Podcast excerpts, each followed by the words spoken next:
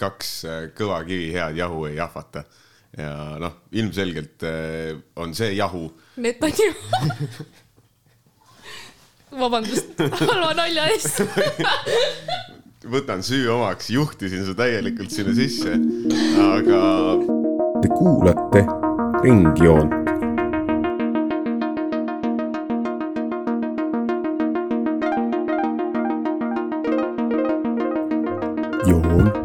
ringis. Äh, tere kõigile Ringjoone kuulajatele. täna, täna on siis meie aasta viimane saade üldse ning äh, selle hooaja Ringjoont me alustasime Iisraeli ja Palestiinaga ning on äh, sobiv, et me lõpetame ka selle Iisraeli ja Palestiinaga. saates täna on Lähis-Ida raske kohurvägi nagu ikka, kelleks on Helena. tere! ja Kreks raskematest raskem, tere. ja puldis nagu ikka tiimi passi pealt Jan Lukas. nii, viimane saade meil oli septembris, selleks ajaks siis äh, Iisraelis oli juba uus valitsus moodustatud, aga võib-olla olekski nagu hea alustada sellega, et kõigepealt selgitate, mis, mis vahepeal on juhtunud ning kuidas me, kuidas me oleme jõudnud sellesse olukorda, kus, kus Iisrael täna nüüd praegu on. enne veel, kui me läheme Jordani jõe kaldaid avastama ja vallutama, siis tahan äh, kommenteerida seda sinu algset väidet, et me alustasime hooaega äh, Iisraeli ja Palestiinaga ja ringjoonelikul kombel me oleme jõudnud sinnasamma punkti tagasi, kust me alustasime. aga noh, tõsiasi selle juures on, on see, et Iisraelis ja Palestiinas nendevahelistes suhetes toimus äh, sel aastal omajagu edasiminekuid. võib-olla isegi mitte nendevahelistes, küll aga Iisraeli positsioon laias ilmas äh, paranes tunduvalt, aga selleni me, me jõuame hiljem, et kõigepealt siis Iisraelist endast. no mida me oleme ka viimastel äh, saadetel lahkanud, kevadel moodustati valitsus, mis on Iisraelis fenomenaalne valitsus selles mõttes, et kaks peaministrit on, kõigepealt siis praegune peaminister Benjamin Netanyahu, kes on Likudi parteis ja seal kõrval Kants, äh, kes on sinivalge alliansi juht, äh, kes peaks siis kahe aasta pärast äh, saama peaministri tooli enda kätte.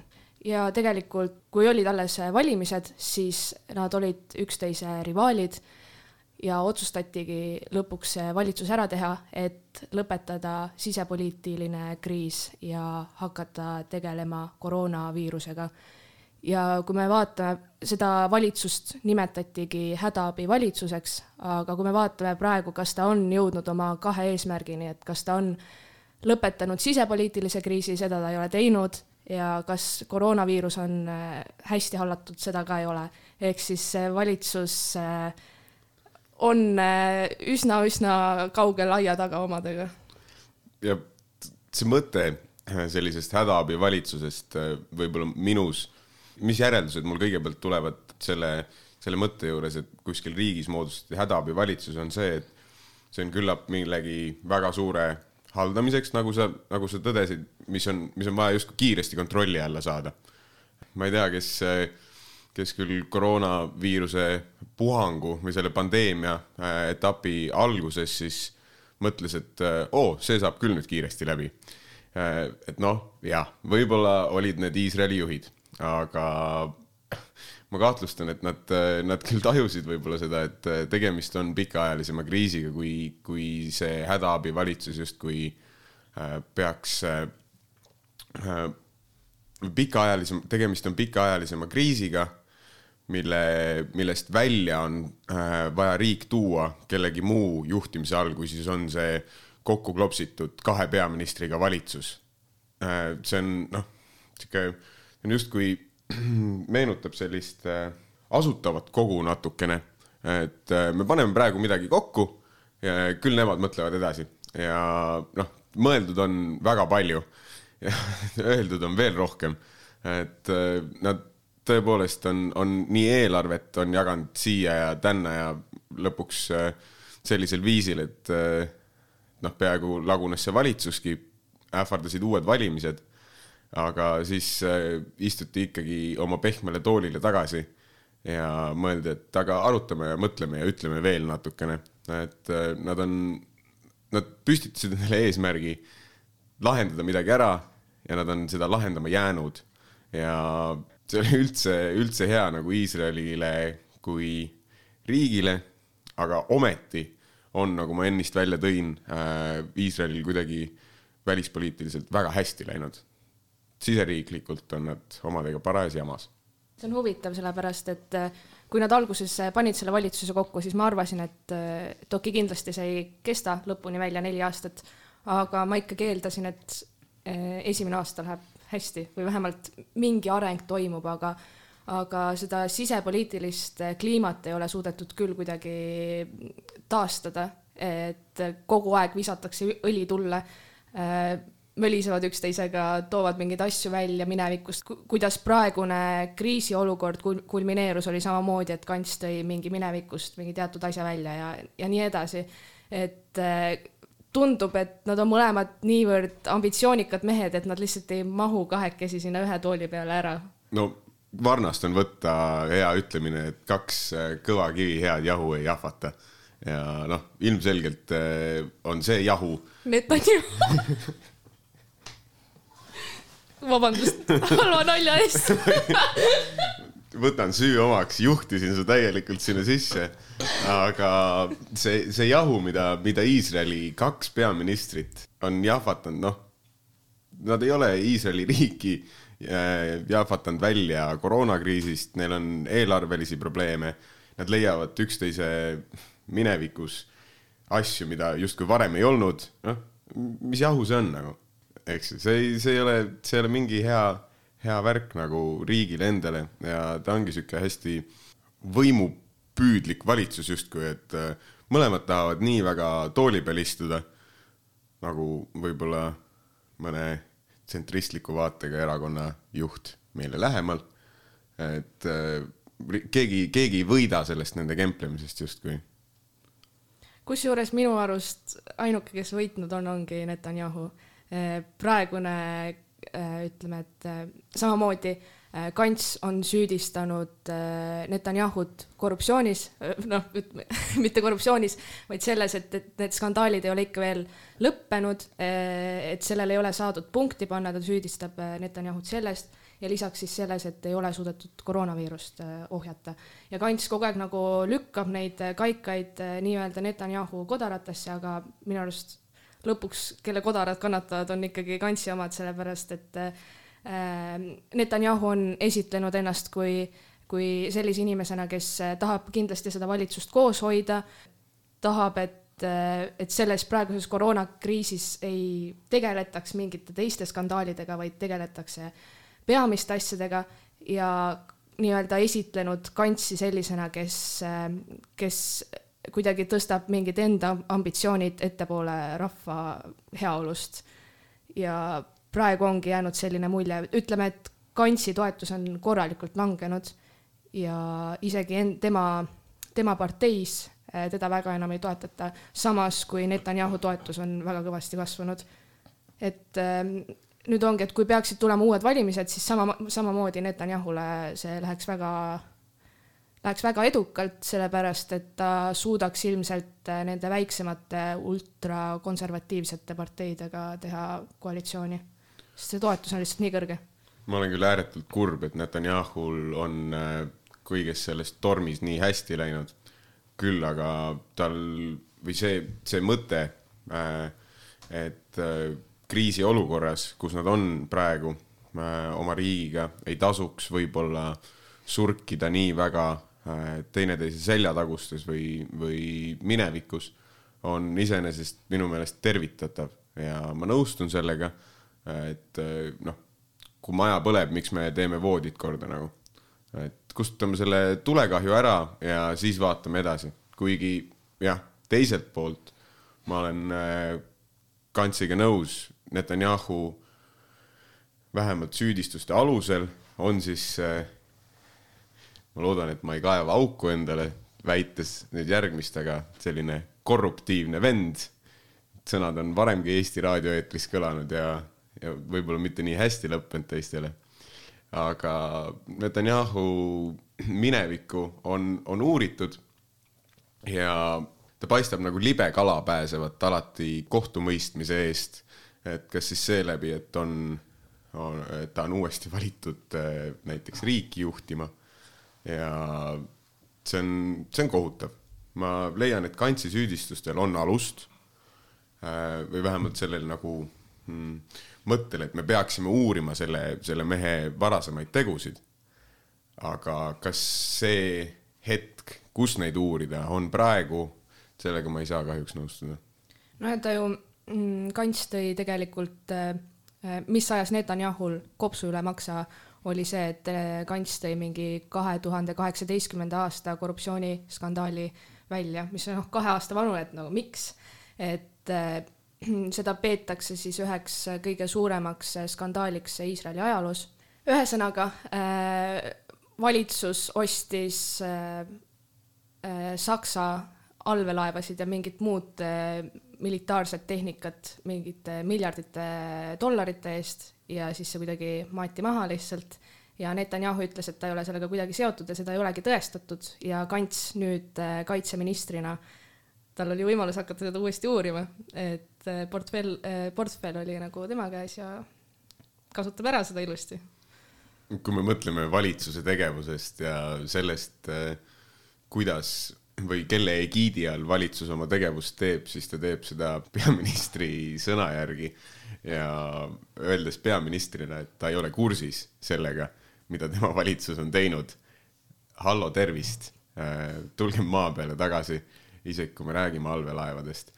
see, see ei saa olla nii, et Netanyahu ei ole kursis sellega, millised allveelaevad, noh, me ei me ei räägi siin, ma ei tea, kiirnuudlite ostmisest või millestki sellisest, mis on tõesti, nagu inglastele meeldib öelda, peanuts äh,, siis äh, need on allveelaevad, need on äh, riigikaitselised objektid.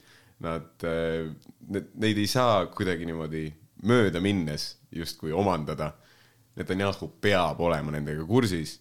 jällegi, nõustun Kantsi süüdistustega, leian, et neil on alust, kuid see aeg ei ole praegu kulla mees, ta enda toetus kukub mühinal. Äh, ma ei tea tõtt-öelda, miks, äh, miks ta, miks ta jätkab oma tegevust, miks ta, miks ta endiselt arvab, et äh, kui ta, kui tema, tema tool, toolil istumise aeg justkui noh, sellel kõige, kõige pehmemal toolil istumise aeg on veel ees ja see sõltub suuresti sellest mehest, keda ta süüdistab, siis tundub selline äh, oksa saagimise tegevus, kui sa ise oksa peal istud no ma arvan, et ta on aru saanud sellest, et eh, tema ei jõua mitte kunagi selle toolini. Ja siis ta on hakanud kuidagi lahmima ja püüab ennast vee peal hoida, pildis hoida eh, ja Netanyahut kuidagi tema jalgealust õõnestada, et ta ikkagi lõpuks selle toolini jõuaks, aga noh, Likudi poliitika Kantsi suunal on olnud üsna kahetine või ma arvan jah, et Kants on lihtsalt aru saanud, et, et ta ei jõua sinna kunagi. ega tal ei ole mingit paremat võimalust jõuda selle peaministri toolini, kui me üritame sõnastada ja mõelda äh, Iisraelist kui õigusriigist endiselt. Äh, tal ei ole paremat võimalust jõuda selle toolini, kui, kui siis uute valimiste äh, tulemusena ja valim-, valimisi ei võida need, kellel on väike toetus, et see on sihuke ilmne, ilmne värk. matemaatiline sihuke arvutus. see on jah, noh, ei saa päris öelda, et see on selline paratamatus aga, aga tihti on nii läinud, et need, kellel on väike toetus, nad, nad ei võida valimisi ja veel vähem nad saavad ise kontrollida seda, kes, kes hakkab valitsust moodustama. Kants on lubatud äh, sinna piruka juurde, aga võttis selle piruka kätte ja hakkas loopima seda, mitte sööma. no tema, tema võimalus oligi kevadel ja ta lihtsalt mängis selle maha, et ja. enam seda ei tule, et kui teda valiti eh, selle kandidaadina, kes nii-öelda oponeerib Netanyahule ja tema poliitikale, siis eh, inimesed lihtsalt ei usalda enam teda, sest et ta eh, lihtsalt loobib kuigi jah, te leiate, et Kants on enda võimalused maha mänginud, samas ka noh, te teate ka seda, et Netanyahu ise võib-olla ei ole, ei ole kõige nagu eeskujulikum peaminister olnud, siis kui, kuidas tema enda erakond võib-olla sellesse kõigesse suhtub? Likud on kindlasti õnnelik, et äh, nad on endiselt äh, peaministripartei. Nad on endiselt äh, üks populaarsemaid parteisid, kui mitte kõige populaarsem vast Iisraelis. ja neil ei saa justkui Netanyahu enda vastu parteina suuri, suuri argumente olla, küll aga kui sa mainid või tõstatad siin selle siseopositsiooni võimaluse, siis ma ei nimetaks Gideon Sa-, Saart, kuidas iganes me eesti keeles tema nime vääname, kunagist haridusministrit siseopositsionääriks. ta, tal oli, sest ta vaated tegelikult, ta on Likudis olnud ja ta vaated kattuvad, tal ei ole justkui mingit sellist erakonnaga nagu laiemat, laiemat kana kitkuda, aga tal on nimelt Netanyahu enda ja kummalisel kombel on siin Axios välja toonud, et ka Netanyahu naise Saaraga äh, mingi, mingi kana, kellel on liiga palju, palju sulgi. et äh, noh, ma ei tea, mis, mida Netanyahu naine siia puutub, aga koos, koos on nad koos on nad tihti ka erinevates nendes äh, süüdistustes üles äh, nimetatud, sellepärast et äh, lahkeid kingitusi on tehtud nii mõlemale. Äkki on, äkki on siis asi selles, aga jah, igatahes Gideon Saar, siis ka selline küllalt äärmus parempoolne tegelane, oli kunagi haridusminister ainult aasta aega ja siis taanduski selle tõttu, et ta ei saanud Iisraeli riigi esipaariga läbi ja nüüd ta, nüüd ta toimetab omaette. ja ta on öelnud seda, et ta tahab äh, siis kandideerida järgmistel valimistel Netanyahu vastu ja ta ongi esitlenud ennast äh, nii-öelda Netanyahu alternatiivina, nagu tegi ka seda Kants, lihtsalt tema vaated on äh, teised, ta on äärmiselt vastu kahe riigi võimalusele ja juba noorest peale tegelenud ultranatsionalistlike ideedega ja ta ütles oma ühes kõnes välja ka selle, et ta tahab saada järgmiseks peaministriks Iisraelis. Äh, no see on tore, et ta tahab, aga, aga kui populaarne ta on, et äh, milleks, milleks võib-olla üldse temast rääkida, et noh, selles mõttes, kui ta iseenesest partei on mingi paari protsendi toetusega, et siis ju väga vahet pole, ega see Netanyahut väga ei takista. Seda on raske öelda, kui populaarne ta on, sellepärast et alles äh, asutas selle partei, samas ma arvan, et kui ta on olnud äh, kaks korda minister, et neli aastat oli haridusminister, siis ühe aasta siseminister, siis ma arvan, et teda ikkagi tuntakse ja see, et ta teeb praegu selliseid avaldusi, et see ikkagi läheb äh, korda mingil määral ka Iisraeli sisepoliitikas. aga kas te näete ka seda võimalust, et see võib kuidagi näiteks Likudi parteid no ilmselt nagu lõhestada mitte, aga näiteks nende toetust olulisel määral kuidagi kahandada ma arvan, et need äh, kaks asja justkui on äh, ehk siis lõhestamine ja, äh, ja partei, partei lõhestamine ja partei toetuse kahanemine on kooskõlalised selles mõttes, et kui parteid, kui parteis tekib lõhnevus, siis või lõhe, siis paratamatult ühel hetkel, kui see lõhe kasvab piisavalt suureks, tekib uus partei, nii nagu me seda Sa-, Saari, Saare jälle väga vabandan härra ees, aga nii nagu me tema puhul näeme, ta teeb uut parteid ja sinna võivad vabalt minna üle äh, need Likudi siis äh, äärmuslikumad äh, liikmed näiteks. aga seda on, seda on keeruline ette näha, sest nagu ma varem olen maininud, siis Netanyahu on uskumatu tagasitulija või ta on kuidagi selline hästi arenenud poliitiline reaktivist justkui. Et kui, kui keegi teeb tema suunas mingisuguse liigutuse, ta suudab eh, nii nõtkelt, nii filigraanselt selle pöörata ümber ja enda kasuks.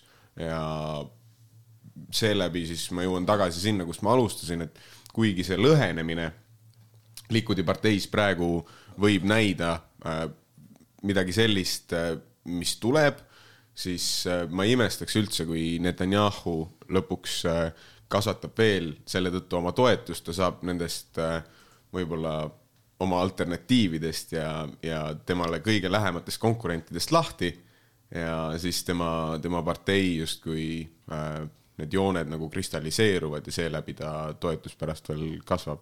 ja ma praegu vaatan, et tema uue, uue parteiga on ühinenud ka mõned praegused ministrid, ehk siis äh, toimuvad ka teatud ministrivahetused praegu valitsuses.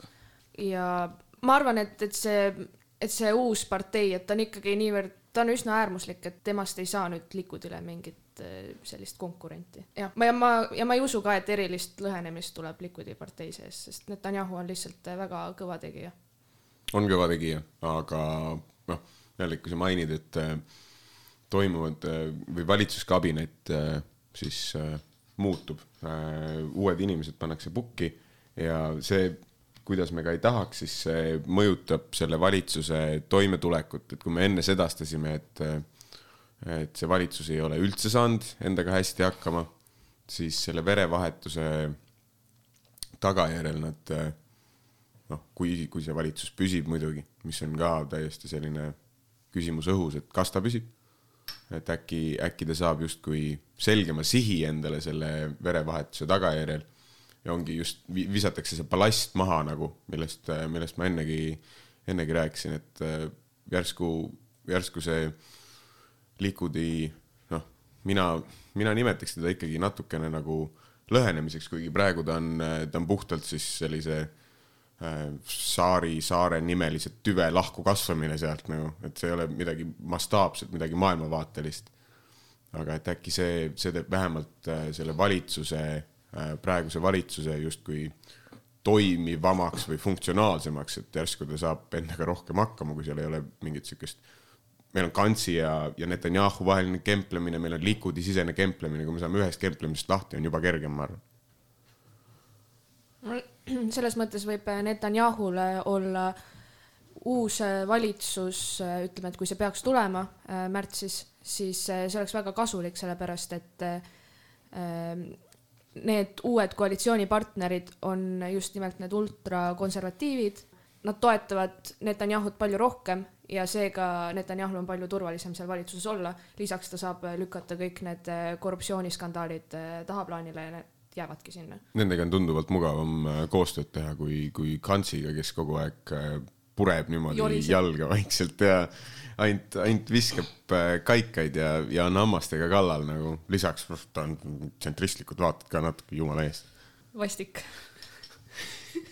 olenemata sellest, kui, kui suurt konkurentsi Saar Netanyahule pakub või ei paku, siis ütleme, kui ta peakski mingil, mingil imeväel saama peaministriks, siis millist, millist Iisraeli me võiksime, võiksime näha Saari all? ma nüüd täpselt seda ei tea, milline, milliseks kujuneb Iisrael äh,. Gideoni all ma ei kavatse tema perekonnanime edasi, edasi väänata.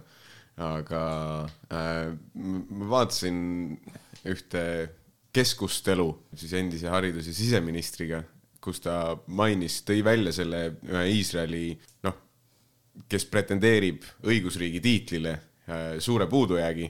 nimelt neil ei ole põhiseadust. Neil on küll sellised spetsiifilisemad seadused, noh nagu meil on karistusseadus ja pärimisseadus ja perekonnaseadus ja midagi sellist, aga nii-öelda sellist konstitutiivset äh, kogumikku, alusseaduseid neil ei ole. Ja Saar ühes, ühes selles keskustelus siis tõigi selle välja, et kui, kui tema nüüd äh, elaks oma selles unistuste Iisraelis ja juhiks seda, siis ta äh, teeks Iisraelil mitte konstitutsiooni, ma ei tea üldse, kas seda saab justkui olemasolevale riigile saab konstitutsiooni teha üldse, et noh, et see on niisugune alg-, algava riigi värk tavaliselt et kui noh, riik ei ole justkui päris, päris veel, päris sõnastatud, sedastatud niimoodi siis tehakse dokument ja sellega see riik sedastatakse ja pärast seda hakatakse selle dokumendi järgi toimima. meil on teistpidine olukord siin nüüd Iisraeliga, riik on, toimib, noh, niivõrd-kuivõrd ja aga tal ei ole seda dokumenti, mille alusel toimida justkui. et äh, kas seda konstitutsiooniks saab nimetada, kahtlen, küll aga ja, ja, ja Gideongi siis nimetab seda Äh, basic law ehk siis äh, mina paneks eesti keelde vast ongi alusseadus või, või midagi sarnast, mis siis, äh, mille, justkui millele toetudes mm, ta saaks, ta saaks kontrollida või mitte tema, aga siis äh, äh riik, mille läbi riik saaks kontrollida võimude lahusust äh,. jällegi noh, Netanyahu libiseb äh, nagu kuum nuga läbi Iisraeli kohtuvõist, et äh, see, selle, sinna oleks vaja mingit sellist asja, kus äh,, millele toetudes poliitiline äh, või need poliitilised riigijuhtimise harud ei saa lihtsalt tuugalt niimoodi üle sõita äh, juriidilisest harust. Noh, praegu see väga hästi ei toimi ja jällegi ma olen äh, Gideoniga nõus selles osas, et sellist dokumenti vast võiks vaja minna.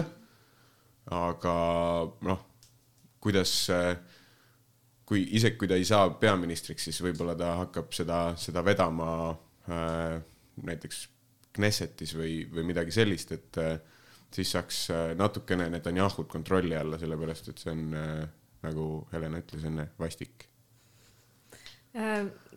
Tema tulevikupoliitika oleks kindlasti ka see, et ta tahab ehitada veel intensiivsemalt asundusi Palestiina aladele ehk siis Palestiina praegune territoorium täielikult okupeerida ja lisaks hakata ehitama üles veel intensiivsemalt juudi identiteeti ja panna ka see samamoodi siis sellesse põhiseadusesse sisse.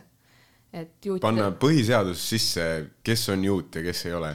no seda, et kes, kellel on õigus sellele Kelle, maale. kellel on õigus juut olla no seda ka ilmselt või no selles mõttes, et, et ta tahab jah, ta tahab ehitada seda juudi identiteeti veel sügavamalt no, on... aga ma ei tea nagu täpselt, kuidas ta seda teeb.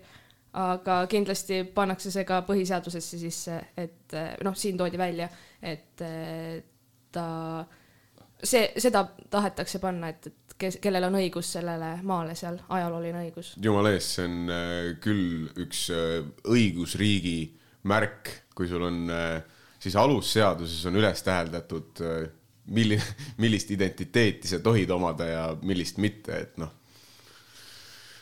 meie omagi põhiseadusesse tahetakse see identiteedi küsimusi justkui natukene otsati sisse panna ja see, see ei ole, see ei ole see, mida õigusriik peaks lubama. See noh, miks ma nimetan niimoodi natukene pilkavalt Iisraeli õigusriigiks, sest nad ise nimetavad ennast ainsaks õigusriigiks Lähis-Idas ja see on ka alus äh, või nad toovad seda välja nagu väl, äh, USA välispoliitilise tegevuse kaitsmise alusena, et äh, noh, me oleme siiski ainus demokraatia siin Lähis-Idas.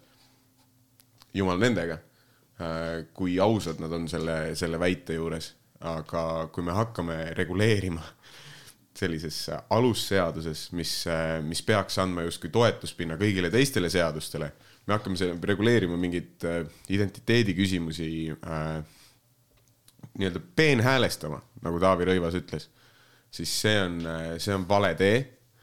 esiteks äh, äh, õigus, õigusriigi teel ja teiseks noh, lihtsalt äh, nad kaevavad ennast mingisse absolutismi tagasi sellega no aga selles mõttes, et nad on see radikaalsem tiip ka, et võib-olla likud või ütleme siis äh, rohkem tsentristid seda ei pooldaks. No arusaadav, et, et see justkui läheb või noh, et ta lähebki nende vaadetega kokku, aga noh, kui ma enne ütlesin, et see, et kasvõi Netanyahu siis selle poliitilise võimu ärakasutamise tõt-, pärast oleks, oleks selline selgelt defineeritud riigivalitsemisharude piiritlus parem, siis noh, ilmselgelt Gideon Saar ei tee seda justkui äh, mingi sellise messiasena, et ta nüüd tuleb Iisraeli riiki Benjamin Netanyahu käest päästma. tuleb ikkagi oma parteipoliitikat sinna ellu viima ja iseenda tahtmist ellu viima. see on, see on huvitav, et kuidas nad üldse teistest eristuvad, sellepärast et äh, Iisraelis on üsna palju selliseid parempoolseid äh, religioosseid erakondasid. see ei ole midagi uut, kuidas nad hakkavad, kuidas nad seda toetust üldse saama hakkavad? kui me märtsis saadet tegime valimiste eel, võib-olla oli isegi veebruarikuus, aga enne, enne valimisi, mis aasta alguses olid äh,, siis ma mäletan, vaatasin seda nimekirja parteidest, kes siis kõik võtsid valimistest osa ja see on äh, lausa imetlusväärne, kuivõrd parempoolsed tunduvad äh, kõik Iisraeli äh, institu-, institutsionaliseeritud äh, liikumised olevat, et äh, seal oligi vist üks Labour ja üks araablaste partei ja kõik ülejäänud olid ühte või teistpidi parem, või noh, tugevalt parempoolsed ja rahva, rahvuslusel ja religioossusel põhinevad parteid ja päris paljud on neist uued tegelikult, et äh, Iisra-, Iisraelis võib näha seda tendentsi, et noored on palju parempoolsemad äh, kui, kui vanemad või see uus generatsioon on parempoolsem, mis on huvitav, sest et kuidagi maailmas ma tunnetan, et on, või noh, meil siin näiteks Eestis on ka pigem teistmoodi, et noored on sotsialistlikumad. sama tendents on minu meelest äh, Venemaal, kus siis kunagi nägin mingit klippi noortest, kes äh, käisid koos nagu meie umbes siin rahvusvaheliste suhete ringis, aga neil oli midagi, mingi laadne toode, aga Putini jaoks. ehk äh, olidki sellised keskkooliealised, võib-olla isegi ülikooliealised noored, kes käisid koos ja, ja arutasid, kas Putini poliitikaid ja siis ma mäletan, nad õmblesid mingeid tema näoga padjakesi ka ja noh, see, see, see mõte justkui nende indoktrineeritusest, et kui nad ongi kasvanud ainult ühe valitseja ja pealegi väga, väga sellise äh, kareda käega valitseja võimu all, siis noh, ega, ega nad muud, muud teagi suurt, mis üle aia toimub. ja Iisraeli puhul ma ei näe, et miks ma ei võiks seda paralleeli tuua, sest Netanyahu on ka, kui mitte peaministrina, siis ta on kogu aeg vähemalt kuidagi pildis olnud seal. alates, alates siis sellest, kui ta kui ta tuli oma saadiku kohustusi täitmast ära Ameerika Ühendriikidest. Ma mõtlengi, et Venemaal on ju ka viimase kahe aastaga olnud see, et toimuvad eh, laste militaarsed paraadid ja, ja hakatakse otsapidi sellist eh, sõjalist õpet tegema juba lasteaias näidatakse relvasid ja nii edasi, et eh, et see kindlasti mõjutab noorte maailmavaadet ja edaspidist arusaama enda riigist ja poliitikast ja ma mõtlen, et et võib-olla Iisraelis on äh, sama, võib-olla see partei ajab siis äh, sama poliitikat seal. Äh, aga nüüd on ka võib-olla paslik hetk liikuda üle välispoliitika peale. ütleme umbes kuni viimased paar kuud tagasi said alguse esimesed suhete taastamised Iisraeli ning erinevate, erinevate islamiriikide vahel, nagu näiteks Bhutan ja Araabia Ühendemiraadid Sudaan, hiljuti kõige, kõige, kõige värskem on Maroko, see riik, millega suhted taastati. et noh, iseenesest äh, tore ju, kui asjad liiguvad, aga samas noh, muidugi teine, teine asja pool on siin Palestiina, mis tuleb jälle sisse, et nagu need on riigid, mida Palestiina on enda liitlaseks võib-olla pidanud ja neile, neile väga me-, see ei meeldi, et et Iisraeliga tahetakse minna business as usual'i juurde tagasi. et äh, ma ei tea, kuidas nagu, mida arvata nendest lepetest või kuidas neid nagu tõlgendada ütleme eriti, ma ei tea, Iisraeli ja islamimaailma suhete kontekstis kui ka, kui ka Palestiina kontekstis? teeksin äh, kiire uh,, more, more of a comment than a question uh,, aga selline jah, remark, kommentaar, et Iisraeliga uh, ei ole Araabia maadel olnud kunagi business as usual. Iisrael tekkis neljakümne kaheksandal aastal ja kohe olid kõik Araabia maad selle vastu et ta tekiks ja pärast tema tekkimist neil ei olnud sellist äh, soosivat suhtumist, kuni ühel hetkel Jordaania oli sunnitud omaks võtma, sest Iisrael näitas oma militaarset võimu äh, ja sama juhtus Egiptusega. et neil justkui Araabia riikidel ei ole kunagi olnud äh, soosivat suhtumist Iisraeli riiki. ja sellepärast ei ole nende jaoks see Iisraeliga diplomaatiliste suhete rajamine ei ole business as usual, see on pigem, ta on erakordne, ta on äh, midagi, mis toimub, ta on esmakordne. ja sellepärast ta ongi, ta on nii märgiline. no siin on äh, väga tähtis äh, osa sellest suhte taastamisest on ka see, et, et nad tunnustavad Iisraeli. ei ole taastamisega tegemist. vabandust, mitte taastamisega, vabandust väga olu-, oluline nende suhete loomisega on ka veel see, et, et need riigid tunnustavad Iisraeli ja kui nad tunnustavad Iisraeli, see tähendab seda, et äh, Palestiina jääb kõrvale. ja see, see on minu arust üks kõige olulisemaid äh, punkte siin, sest et need suhted, kaubanduslikud, majanduslikud on olnud väga pikalt juba, aga diplomaatilisi ei ole olnud. ja, ja äh, nõustun täitsa sinuga, et Palestiina ja Iisrael on nende äh, diplomaatiliste suhete sõlmimisel äh, nad on teineteist välistavad, noh, kui on üks, on Iisraeliga need diplomaatilised suhted, siis ei saa olla Palestiinaga, sellepärast et äh, noh, see on kahe riigi süsteem nii palju, kui teda on, aga puhtalt selle alusel ei saa olla äh, sellist, ühel riigil sellist välispoliitikat, et ta küll ühe käega tunnustab Palestiinat, aga teise käega ta hoiab endal diplomaatilisi suhteid Iisraeliga. ja miks ma tahan, miks ma taon oma seda äh, mitte taastamise, aga loomise trummi äh,, jällegi paralleel Eestiga äh,. esimese Eesti Vabariigi ajal me sõlmisime või noh, me pälvisime tunnustust mõnedelt välisriikidelt. muist neist, näiteks nagu Portugal tõmbas selle tunnustuse tagasi, ta võttis tagasi selle, kui Nõukogude Liit okupeeris Eesti. ja siis pärast pärast Nõukogude Liidu lagunemist ta tunnustas Eestit jälle, ehk siis nii-öelda diplomaatilised suhted taastati tol hetkel. aga need riigid, mis just kogu aeg hoidsid seda suhet, kes ei tunnustanud vastupidi seda okupeerimist, näiteks nagu Ameerika Ühendriigid, kellele ma ei taha praegu, keda ma ei taha mingile pjedestaalile sättida, aga lihtsalt selle võrdluse mõistes, et et justkui sellist, see, see nagu tunnustuse võtmine või andmine, ta on ta on nagu välispoliitiliselt, ta on defineeriv asi.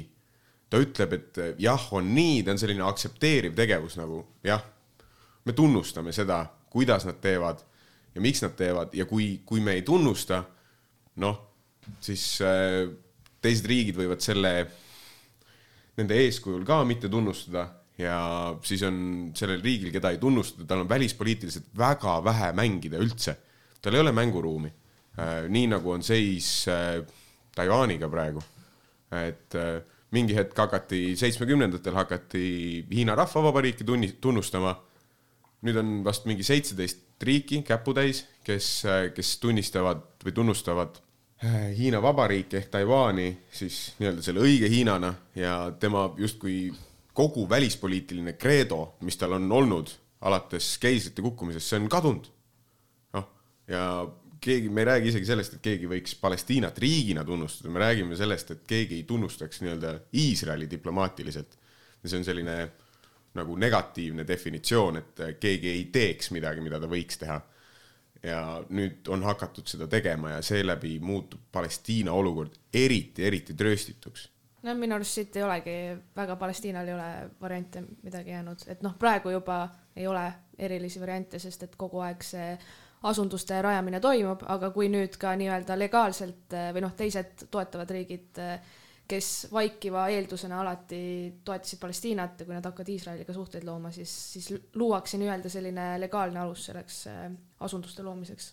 ja seal jah, et kui keegi võib-olla ei ole justkui võtnud seda positsiooni, et nad on nii-öelda Iisraeli Palestiinasse laienemise vastu aga samas, kui nad ei, kui mõni riik ei, ei, ei tunnusta ka Iisraeli diplomaatiliselt, siis äh, tema nii-öelda otsus ja see tunnus on, tunnustamine on vaba, et ta, ta ei äh,, see, see poliitika, see mittetunnustamise poliitika ei ole, ta ei ole nagu selline aktiivne, aktiivselt suunatud tegevus äh,. tunnustamine seevastu on küll, sa ütled väga selgelt välja, et jaa, see riik on normaalne riik, me sõlmime nendega, meil on juba kaubanduslikud, majanduslikud suhted aga me sõlmime nendega diplomaatilised suhted ka, me ütleme, et ta on välispoliitiliselt mõistlik riik, temaga saab arvestada.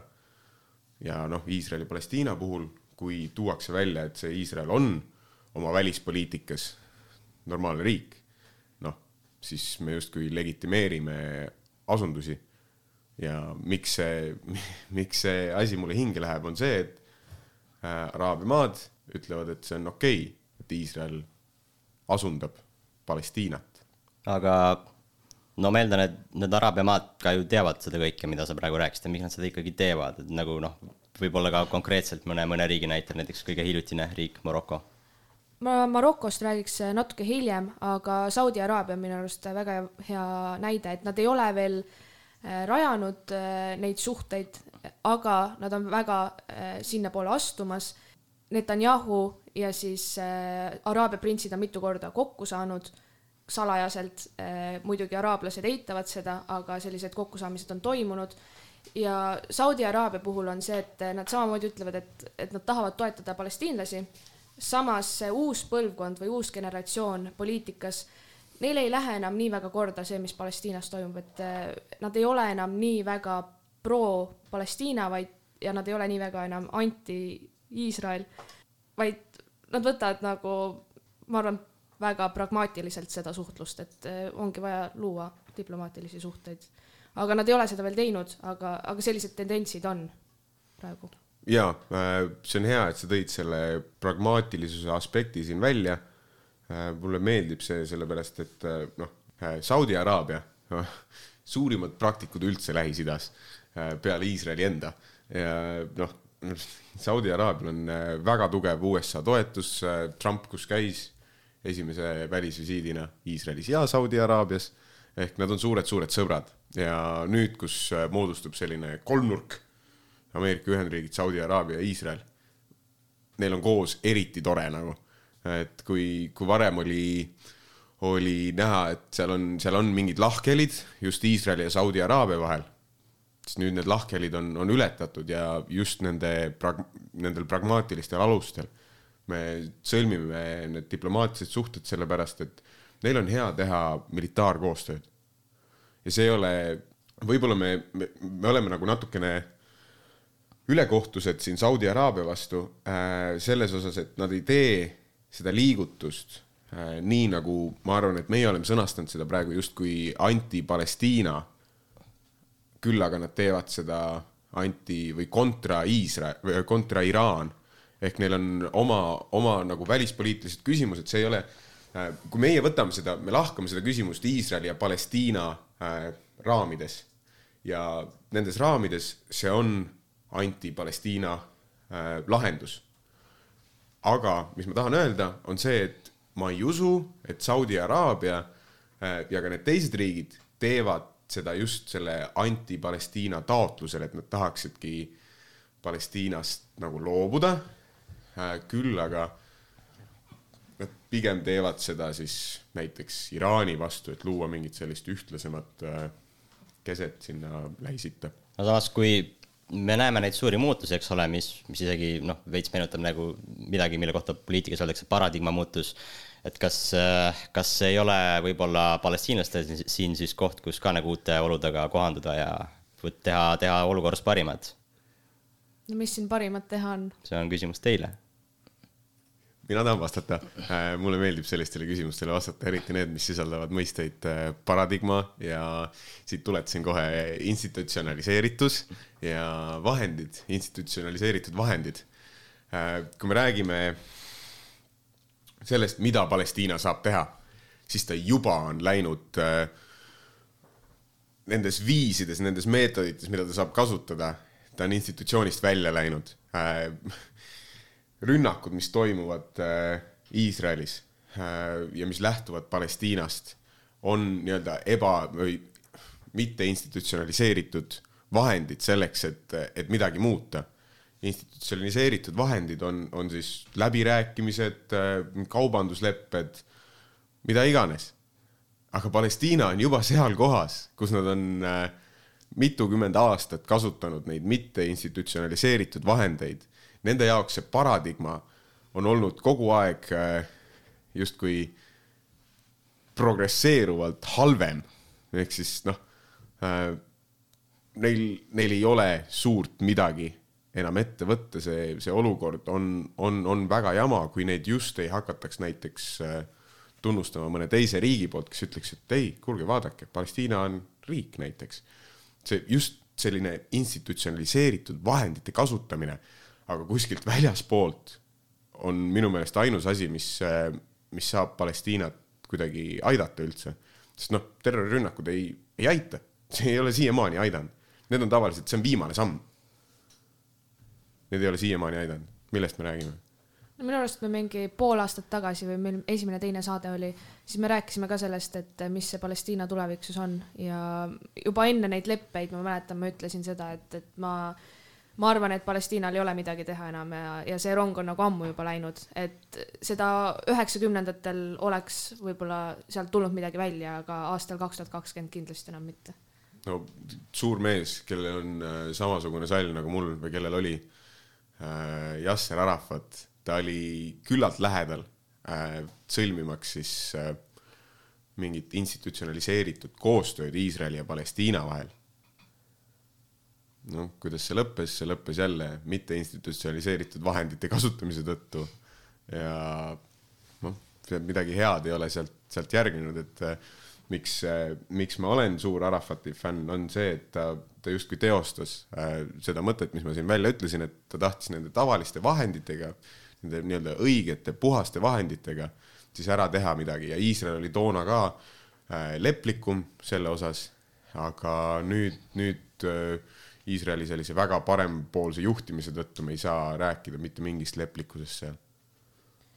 No üheksakümnendate rahuläbirääkimised näitasid väga hästi ka seda, äh, kuidas teised riigid äh, suhtusid sellesse, et kui nüüd Iisrael ja Palestiina hakkasid suhteid looma, siis kohe ka mitmed teised islamiriigid hakkasid veits Iisraeliga suhtlema ja siis see lõppes ära, kui need rahuläbirääkimised läksid vett pidama.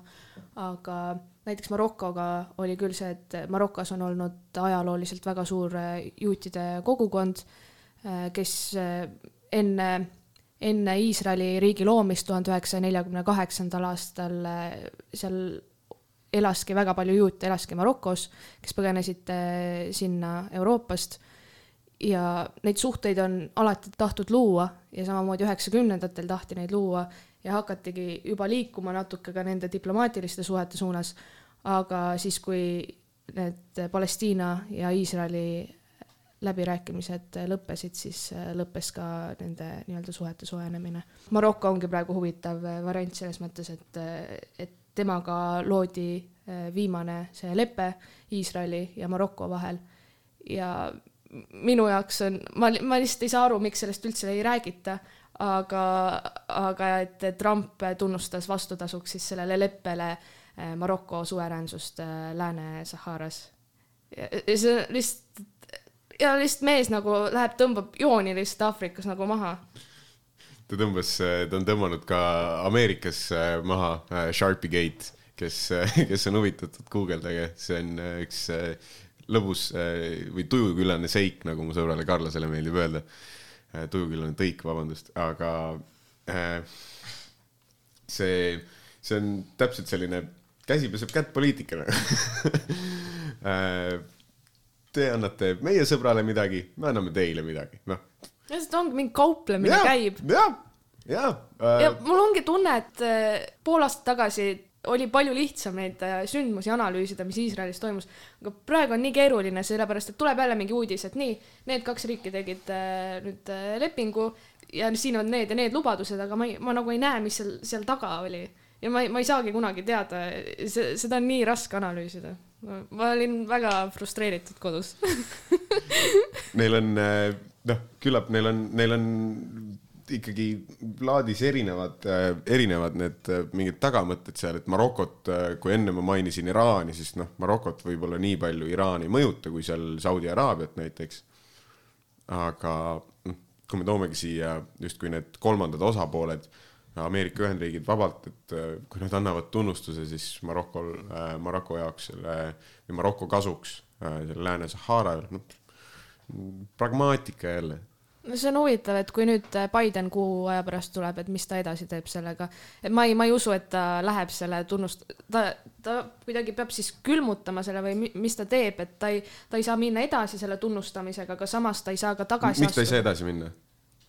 ma ei usu, et ta teeb seda. sellepärast, et, et USA on ainuke ja esimene lääneriik, kes tunnustab seda Lääne-Sahara kuulumist mm -hmm. nüüd Maroko alla ja ÜRO-ga see on ka täiesti vastuolus, ma ei usu, et Biden läheb edasi sellega. okei okay, äh.... ja seda on väga palju kritiseeritud, seda Trumpi sammu. aga samas, samas ei saa ka Biden nagu tagasi astuda sellest, seepärast et siis see tähendaks seda, et Maroko ja Iisraeli, see on suhete nagu üks, üks baasalus. ja, ja noh, Biden on, on, ta on väga-väga kitsas seisus, aga mina arvan küll, et äh, Biden justkui läheb selle selle tunnustamisega edasi, noh, Maroko kasuks siis, et, et isegi kui ÜRO on selle vastu, noh, USA ja ma ei taha siinkohal USA-st rääkida ainult Trumpi isikus.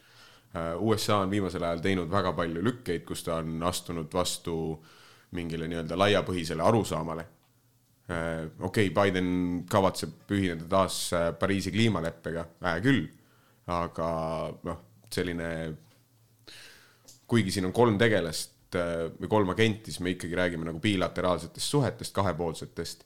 et nendes asjades miks mitte, seal, seal ongi vaja just neid äh, kasu, kasumlikke suhteid, ma arvan, ja selle, seda, seda nähtavasti Biden ajab taga. miks, mis see ÜRO peaks teda kottima nagu?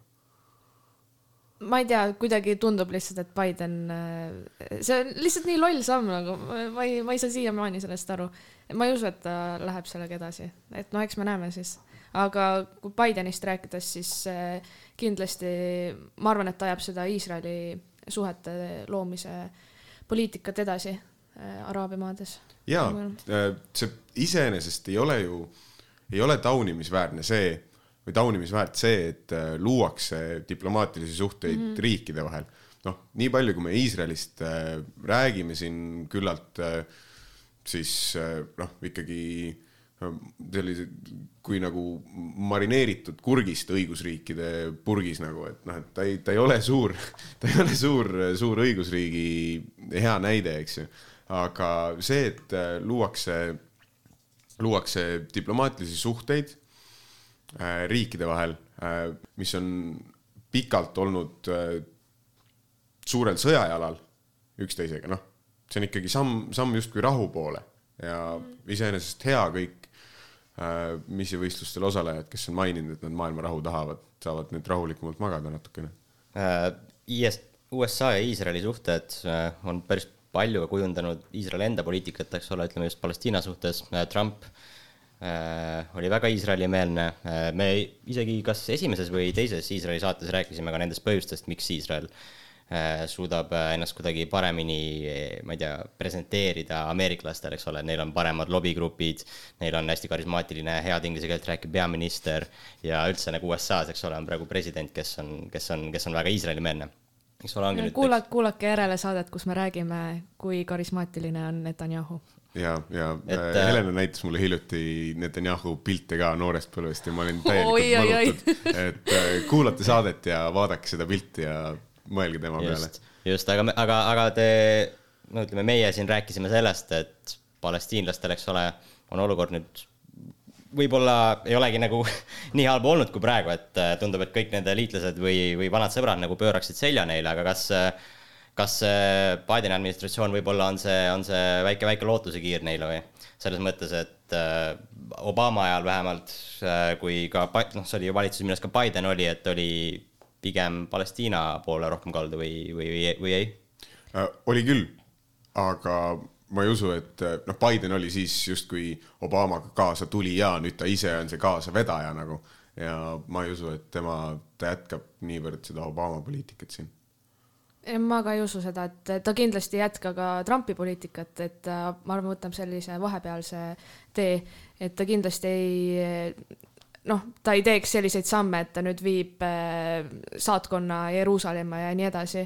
aga seal ei ole väga midagi teha enam, et ilmselt võtab samasuguse seisukoha nagu äh, nagu seda on teinud Euroopa ja ÜRO, aga üldises plaanis äh, mingit lootuskiirt mitte kuskilt ei ole Palestiina peale paistmas aga selle väga morbiidse märkuse peal lõpetame ka meie oma saate aga olge rõõmsad, sest praegu on jõulud. aitäh kuulamast. aitäh ja head Hannukat aitäh, Kriks. palun